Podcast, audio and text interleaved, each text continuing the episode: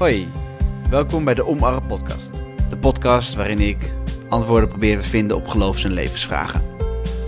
In het dagelijks leven ben ik theologiestudent, dus ik ben elke dag met godsdienst bezig. Daarom probeer ik ook hedendaagse situaties te gebruiken en uiteraard ook wel teksten uit de Bijbel. Deze keer heeft de Omarre podcast als thema Luister naar je ouders. En het gaat dan vooral over de ervaringen die ouders of grootouders of wat dan ook aan je kunnen vertellen. Veel plezier met luisteren naar de Omarre podcast.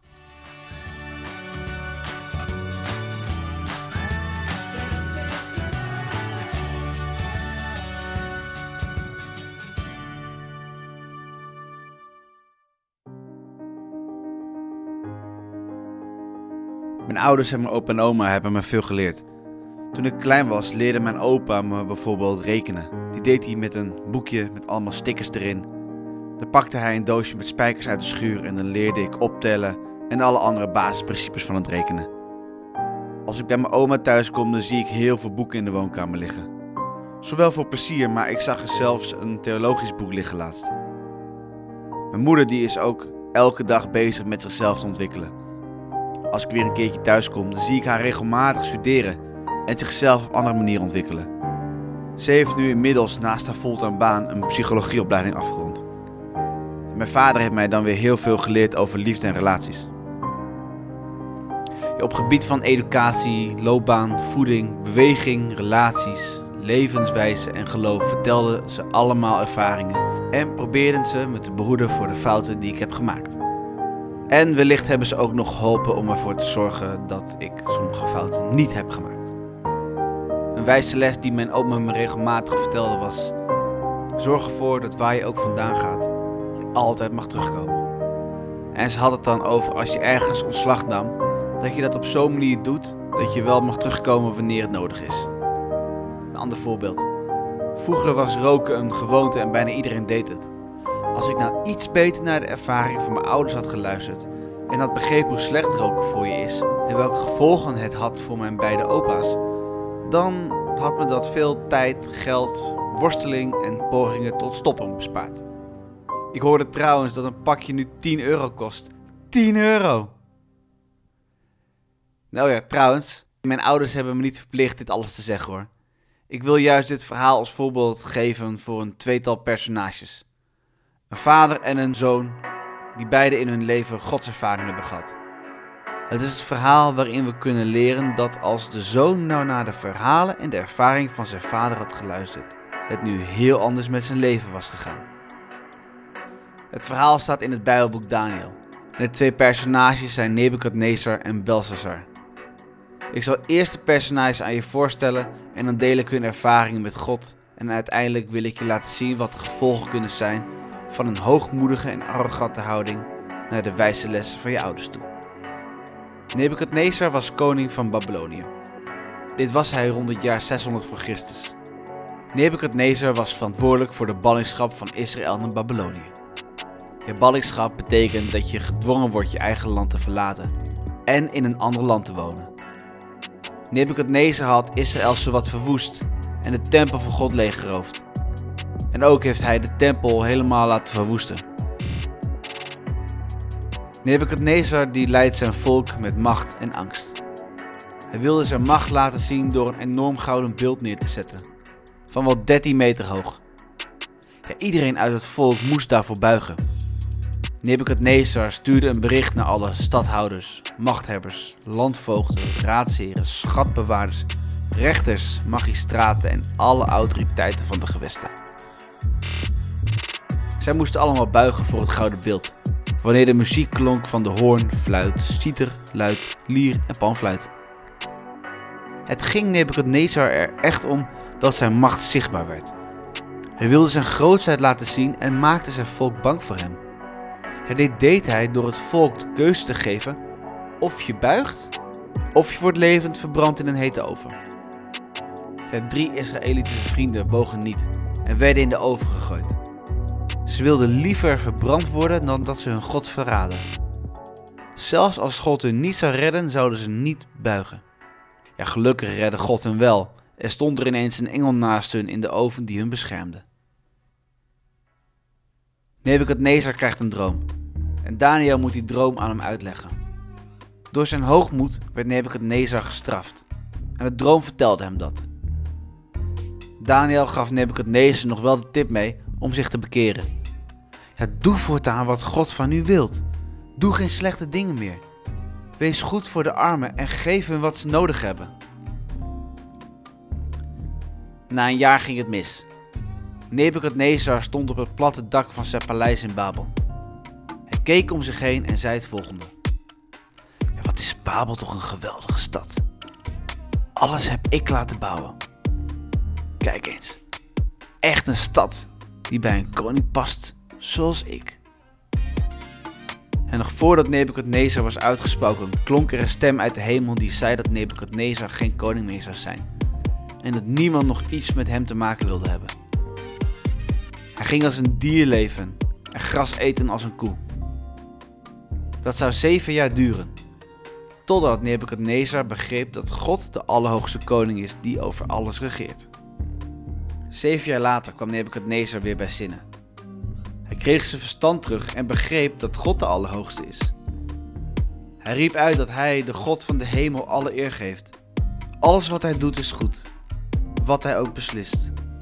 Hij heeft altijd gelijk en wie hoogmoedig is, zal hij vernederen. Ja, en Nebukadnezar kreeg meer macht dan hij hiervoor had. Maar nu besefte hij dat hij die macht van God gekregen heeft. Je zou zeggen, dit hele land wordt Joods of christen nadat ze gehoord hebben wat er met Nebukadnezar gebeurd is. Nou, niet dus. Belshazzar kreeg nu de macht. Hij was het nageslacht van Nebukadnezar. En de Bijbel is niet duidelijk over of hij de zoon of kleinzoon is. Maar dat maakt niet uit. Hij had in ieder geval kunnen weten wat er gebeurd was met Nebukadnezar. Het is het jaar 539 voor Christus. En koning Belshazzar geeft een groot feest. Alle belangrijke mannen zijn uitgenodigd. Belshazzar geeft alleen zonder het te weten zijn eigen afscheidsfeest. Buiten de stad liggen namelijk de persen op de loer. Ze staan klaar om aan te vallen. Het feest was een wild feest. Er werd veel wijn gedronken.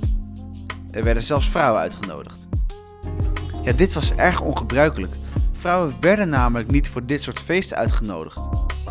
Het was dus een wild erotisch feest. Maar de koningin was niet uitgenodigd.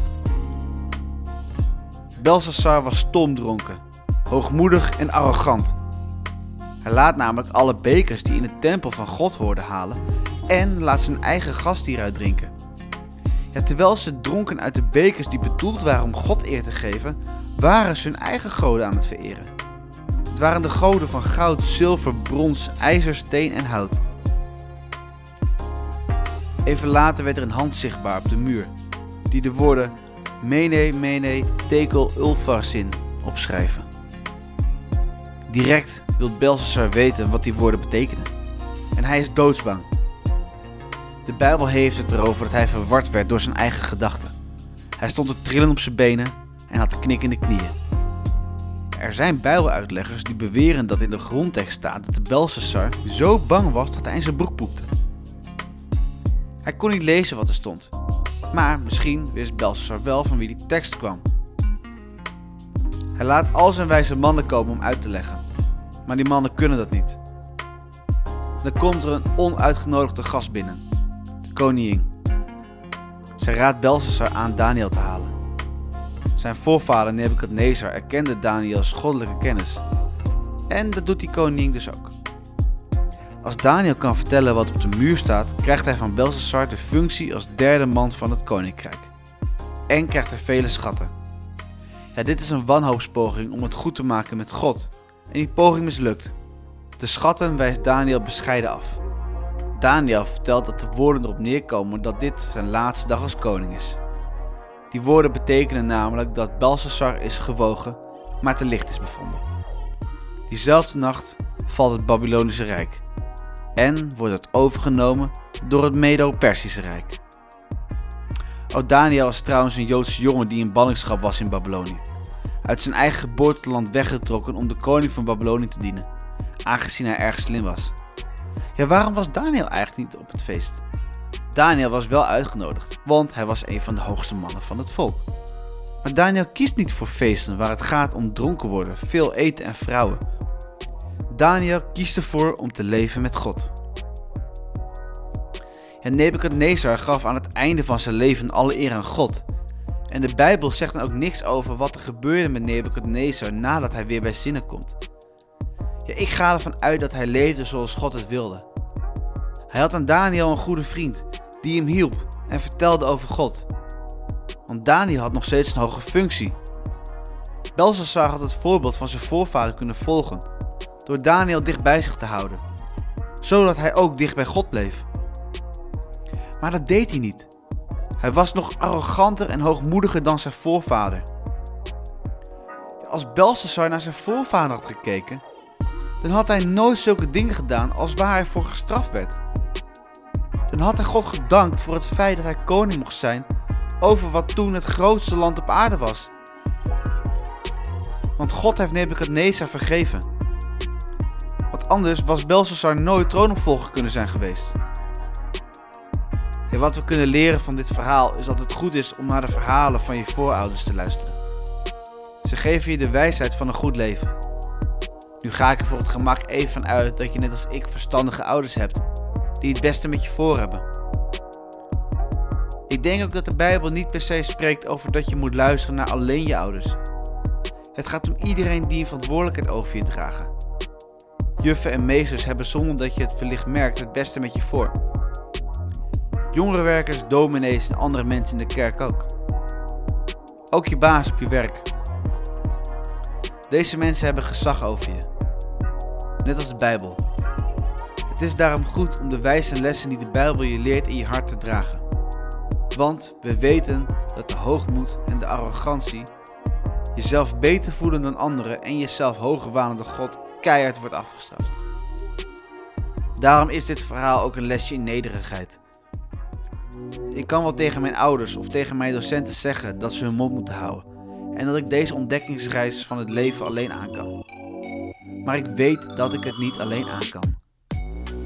Ik las in een boek waar ik al eerder naar gerefereerd heb, de zeven eigenschappen van effectief leiderschap. Dat als je onafhankelijk wilt zijn, je wederzijds afhankelijk moet zijn. Want om te groeien in je leven en in je geloof heb je anderen nodig. Je kan het niet alleen. En in de zoektocht die je hebt in je leven is het daarom soms verstandig om te luisteren naar de ervaringen van je ouders. En iedereen die gezag over je heeft en verantwoordelijkheid over je draagt. Zo kun je bescheiden houding je verder helpen. Durf jij je eer opzij te zetten en te groeien door te luisteren naar de wijze lessen van je ouders.